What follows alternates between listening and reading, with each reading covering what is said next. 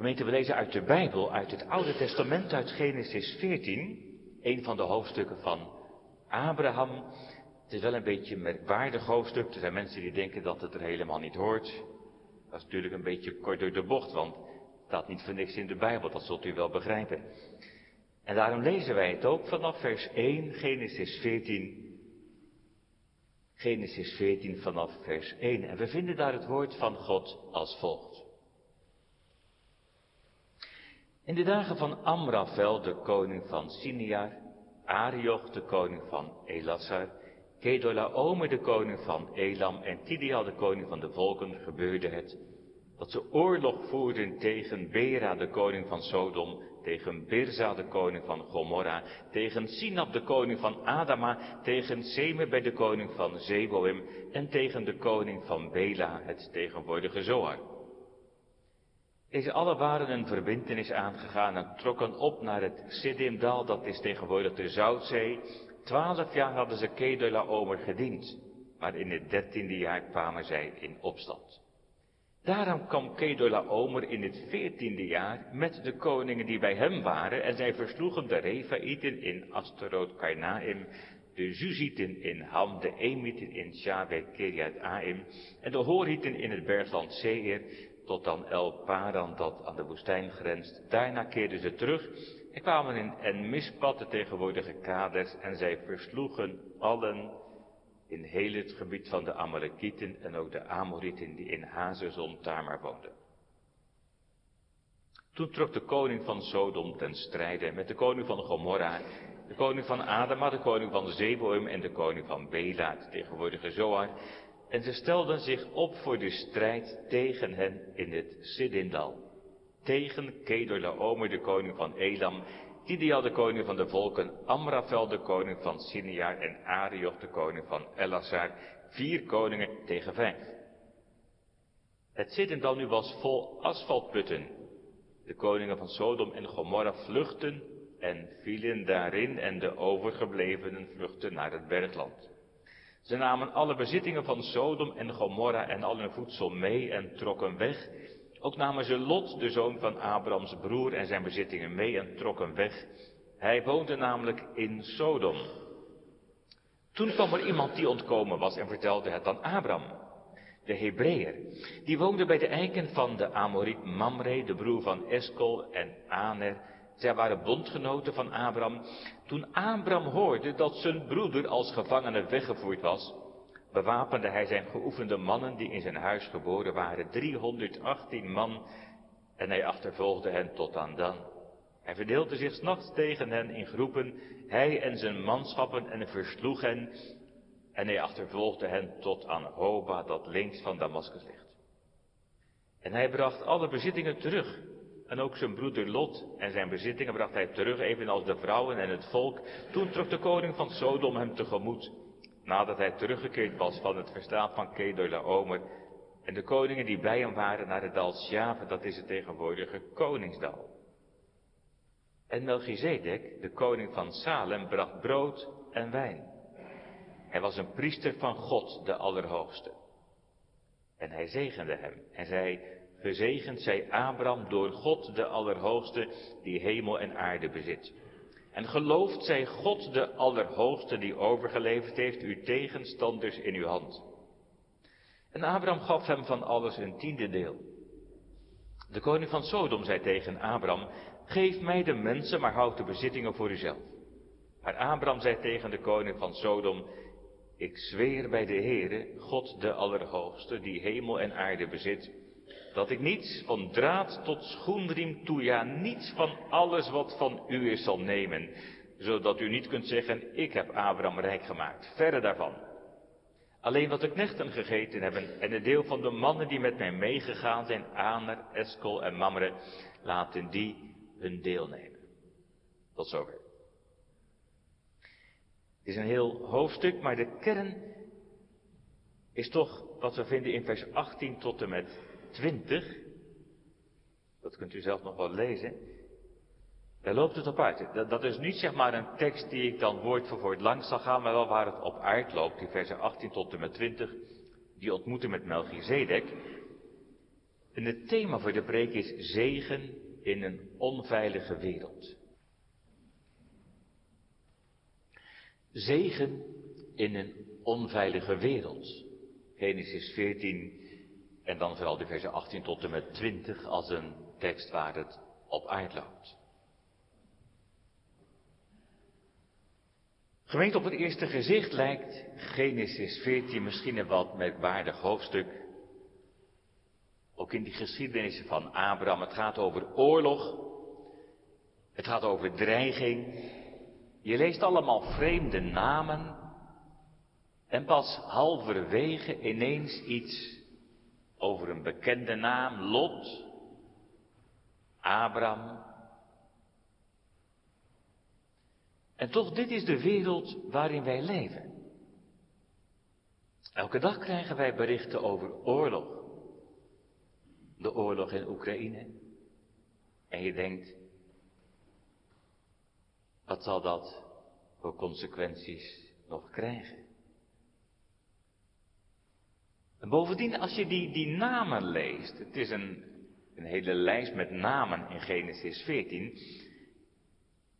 Het is wel een namenlijst die duidelijk maakt dat het gaat over echte vijanden en over een echte oorlog. Een oorlog waar ook Lot en later ook Abraham voluit bij betrokken raken. Kortom, we zien iets van een onveilige wereld waarin ook Abraham, de vader van de gelovigen, leeft. En nog meer zien we hier de zegen die de Heere geeft. Zegen in een onveilige wereld. Nu was die onveiligheid daar al wel even actueel, om zo te zeggen, in het beloofde land. Het gaat over een Kedorlaomer, een koning van Elam staat er.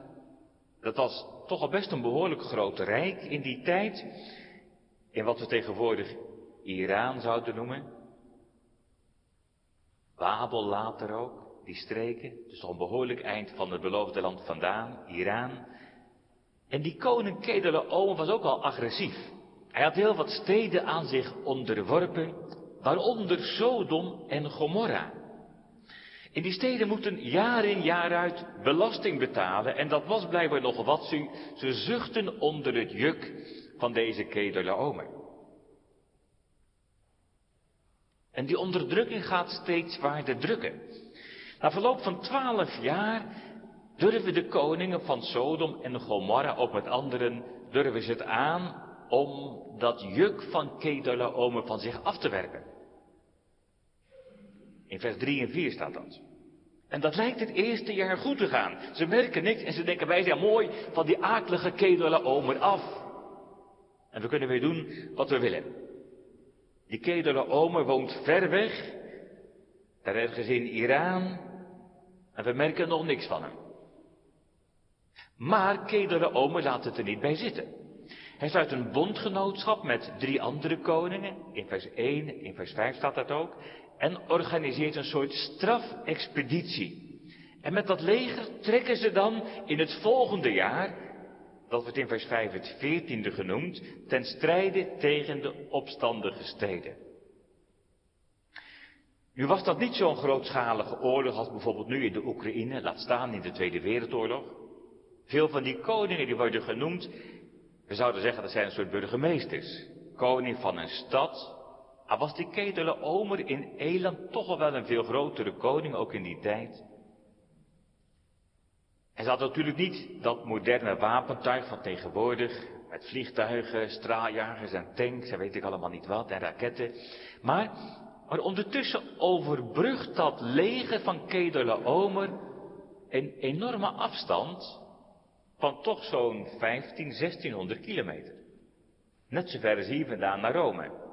En dat, ja, of te voet is geweest, dat weet ik niet. Misschien op paarden, op kamelen, weet ik dat het geweest is. Maar, maar ondertussen maken ze wel die enorme reis. En als ze komen in de buurt van het beloofde land, dan laten ze zien hoe gewelddadig ze zijn. Er worden in vers 5 tot 7 heel wat stammen en volken genoemd die onderworpen worden, die verslagen worden. En er is niemand die deze Kedorlaomer met zijn leger kan tegenhouden. En als ze komen in de buurt van Sodom en Gomorra, dan wachten die koningen niet af. Die sluiten ook een bondgenootschap met andere koningen. En ze bereiden zich voor. Vers 2 en 3 en 8. En zij kunnen natuurlijk kiezen waar ze de strijd willen voeren. Ze kiezen een strategische locatie, het Siddimdal. Dan proberen ze natuurlijk de strijd buiten de muren van de steden te houden. En bovendien staat er dat het dal vol asfaltputten is. Nu heb ik wel eens gedacht, dat zijn misschien dan gevaarlijke putten waar je in kunt vallen. Maar dat kan toch moeilijk bedoeld zijn. Ik bedoel, er staat iets van, van koningen die in die putten vallen, maar later weer gewoon tevoorschijn komen. Waarschijnlijk zijn het helemaal geen gevaarlijke putten, tenminste niet voor Sodom en Gomorra. Die kenden het gebied als een broekzak, om zo te zeggen. Die wisten precies waar die putten waren, denk ik. Het is veel meer waarschijnlijk dat die putten gelegenheid boden om, om te schuilen. En misschien ook om hinderlagen te leggen voor de vijand. En als die vijand verschijnt, begint de strijd. Maar het wordt een hopeloos verlies. Er wordt er gauw duidelijk dat ze tegen Kedalaomen niet op kunnen. En ze worden verslagen en iedereen slaat op de vlucht. Vers 10.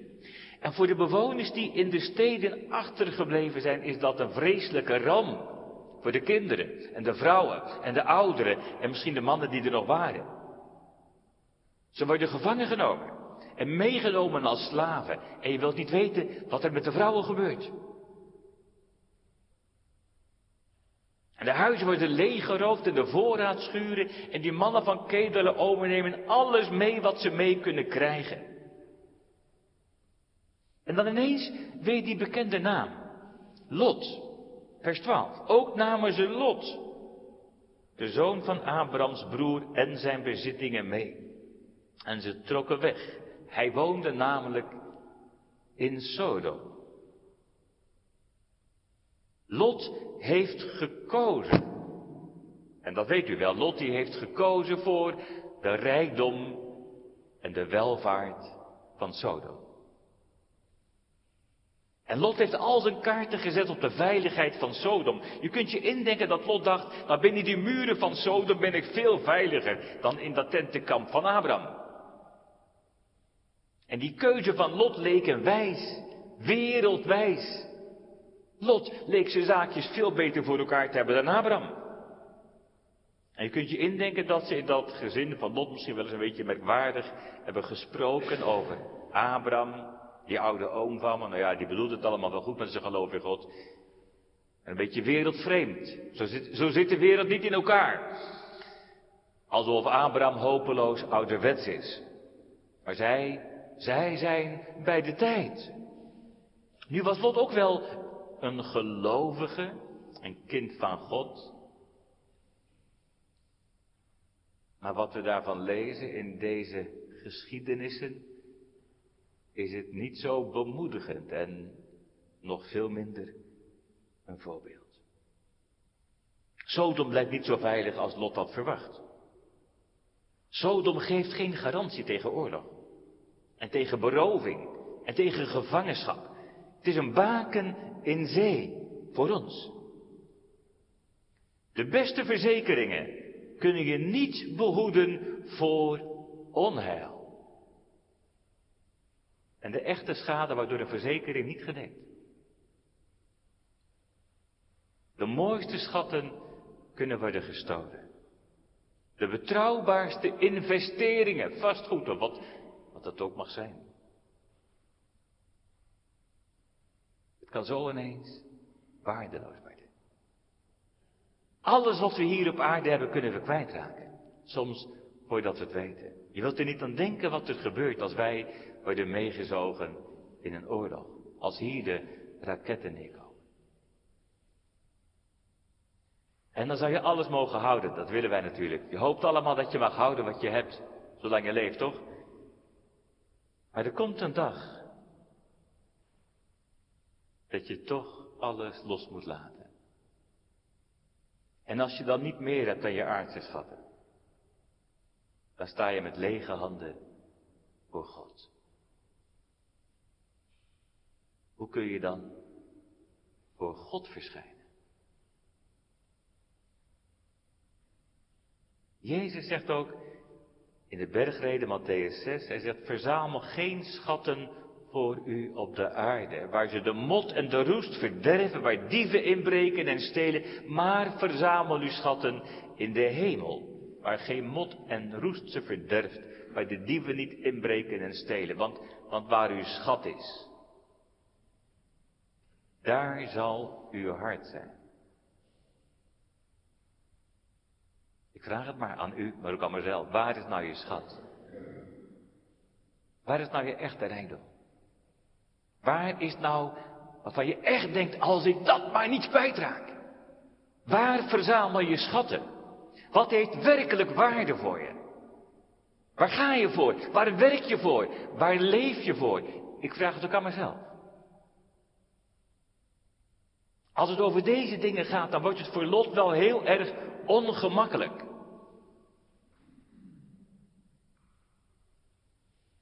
Waar heb ik nou echt mijn hart op gezet?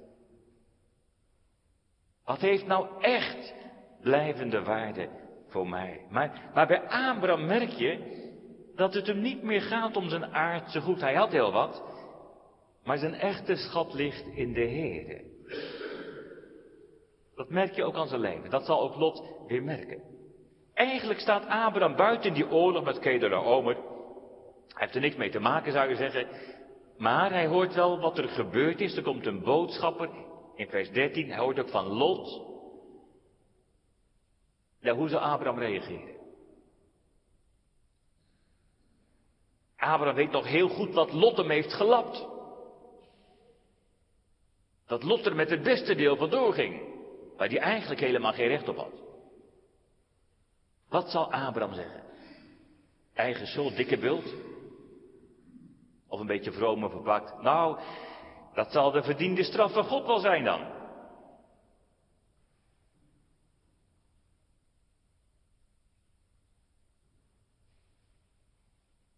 Hoe zal Abraham reageren?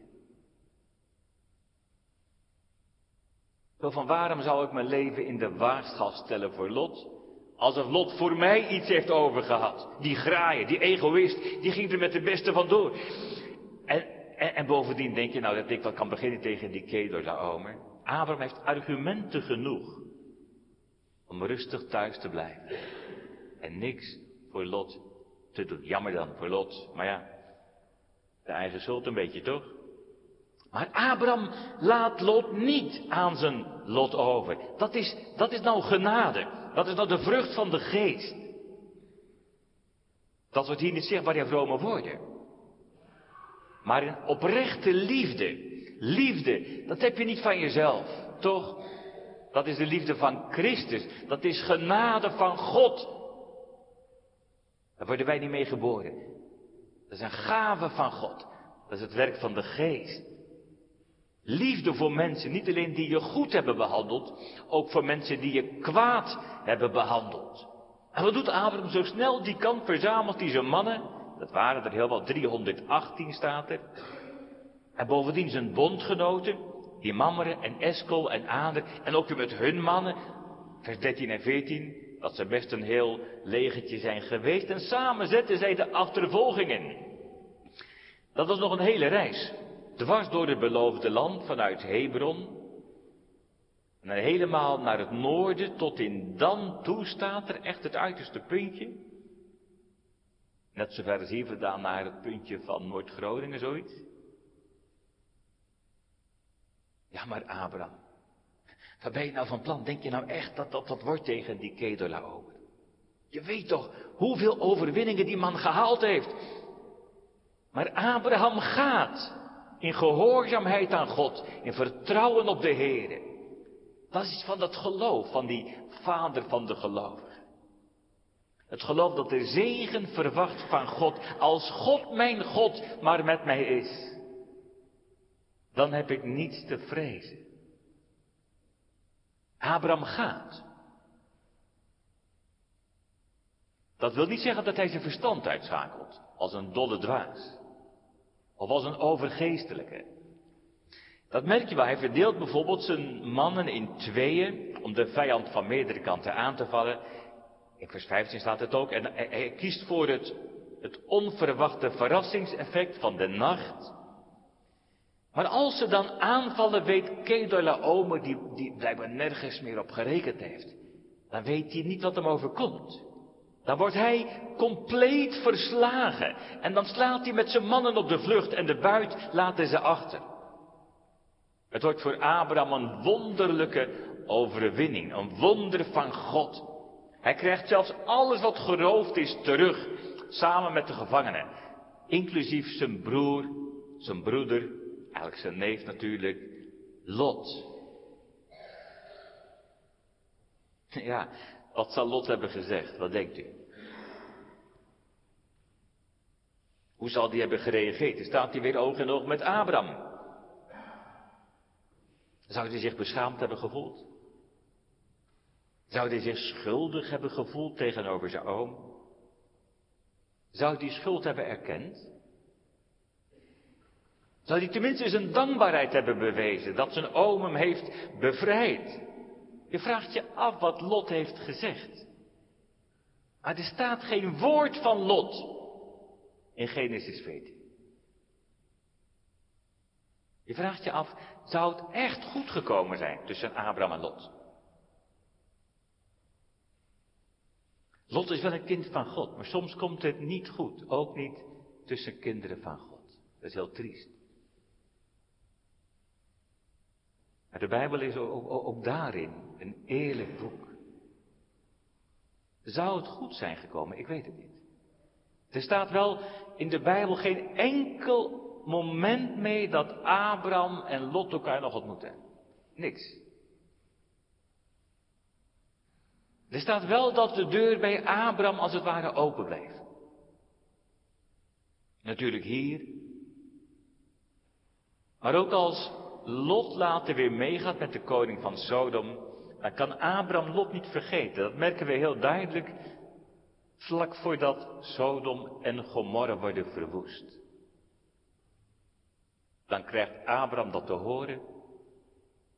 En u weet denk ik wel wat hij doet. En jullie jongens en meisjes, weet je wat hij doet? Als Abraham hoort dat Sodom verwoest wordt, dan gaat hij bidden voor Lot. Dan maakt hij zich zorgen over Lot, want hij houdt toch van Lot. Dat is toch weer die liefde. Dan gaat hij op de knieën voor Lot, dat de Heer hem zal bewaren en verlossen.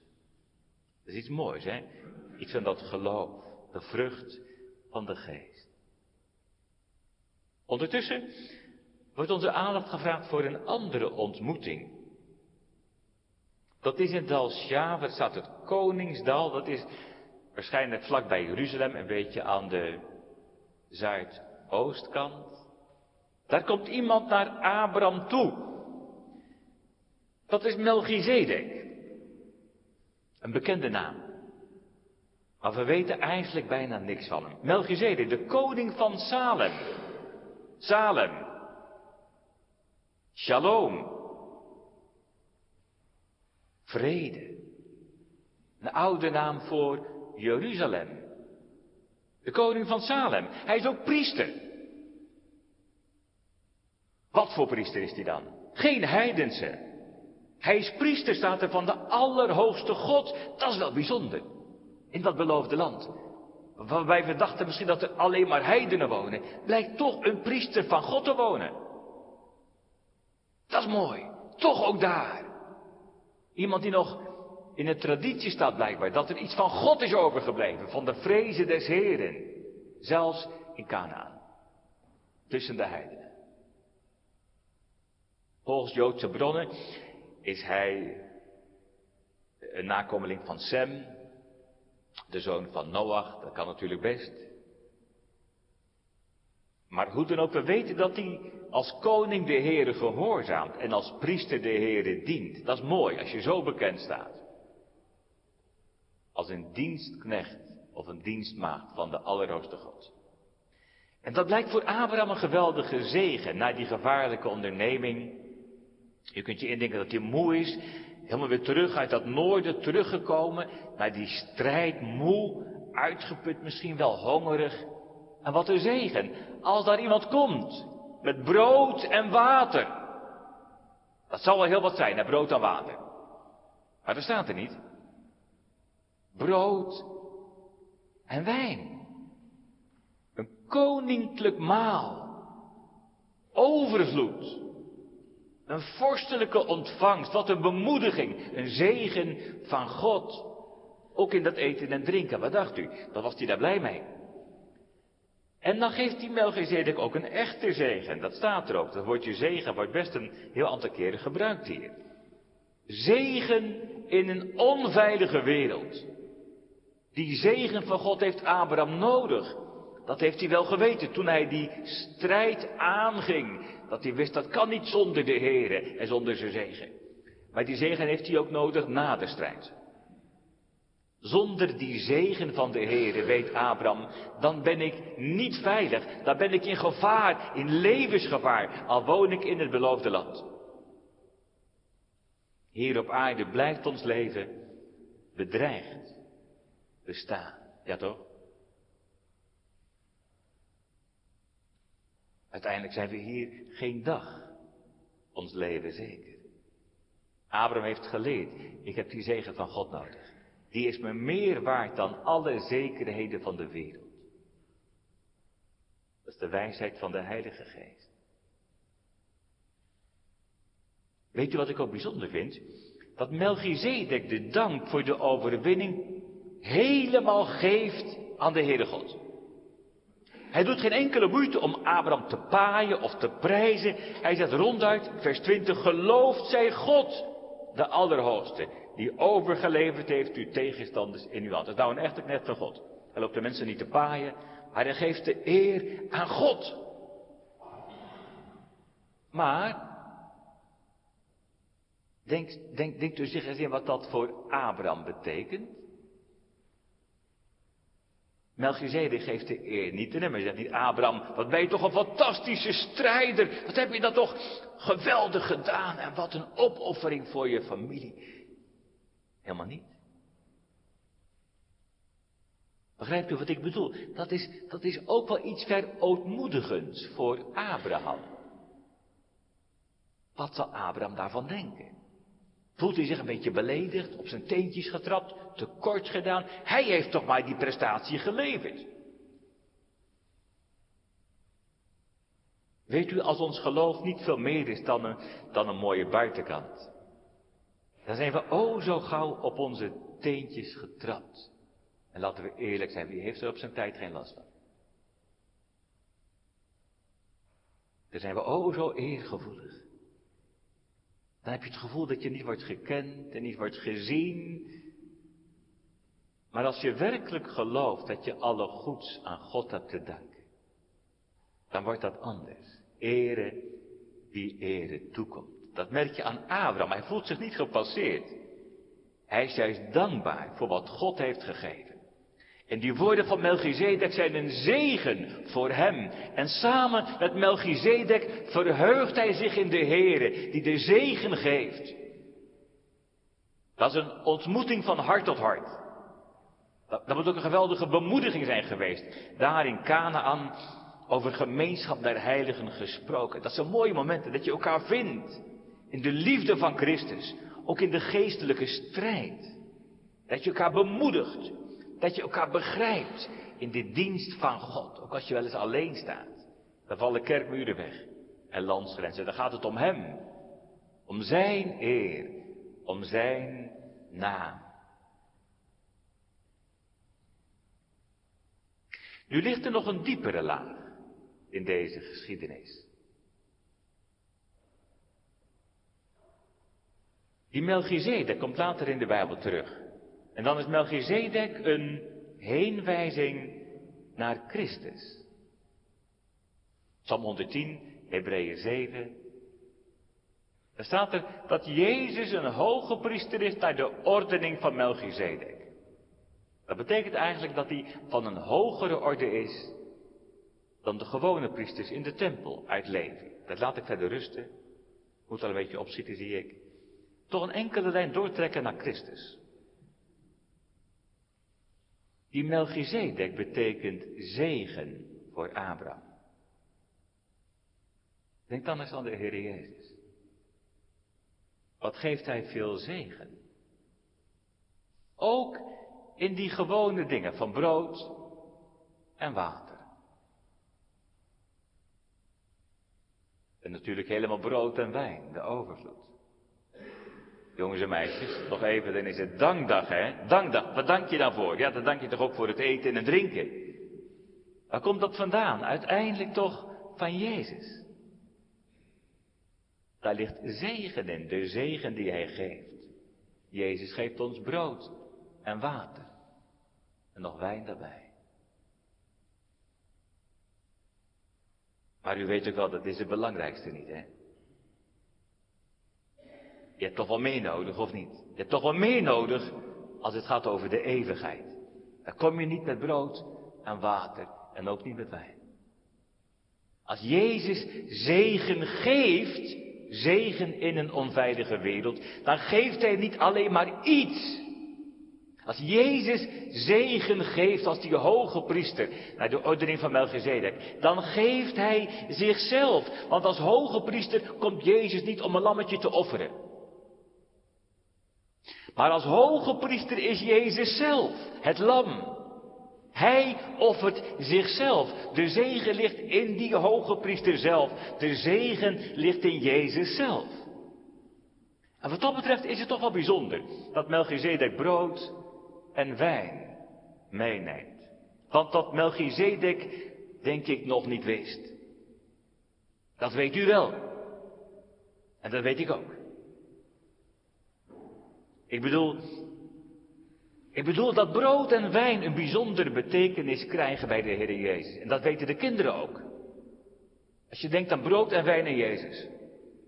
Brood en wijn en Jezus. Ja, dat kan maar één ding zijn. Dat, dat moet het heilig avondmaal zijn. Dan maakt hij dat brood tot een teken van zijn gebroken lichaam. Dan maakt hij die wijn tot een teken van zijn vergoten bloed. Brood en wijn worden bij Christus tekenen en zegels van het heilsgeheim op Golgotha. Op die heuvel daar ginds, aan dat ruwe houten kruis. Dan laat hij weten dat er vergeving is bij hem. Vergeving die met zijn bloed is betaald. Vergeving van je zonde en van je schuld. Of heb je geen vergeving nodig? Weet je, dat valt bij mij wel mee. Als je geen vergeving nodig hebt, heb je geen hoge priester nodig, heb je geen offer nodig, maar dan sta je er buiten. Zonder vergeving ben je pas echt onveilig in een onveilige wereld.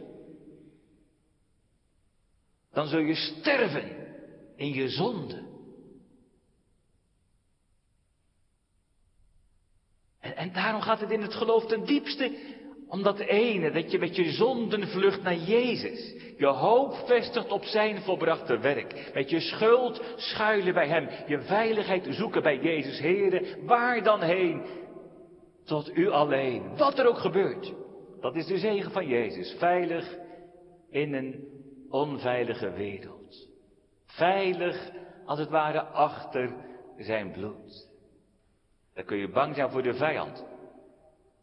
Dan kun je bang zijn voor de duivel. Maar je hoeft niet bang te zijn, want bij Jezus ben je veilig. Dan kan de strijd wel eens heel zwaar zijn. Dan kun je wel eens denken, dat, dat haal ik nooit en dat, dat wordt verliezen. En toch er is kracht in het bloed van het lam. Wonderlijke kracht in die strijd.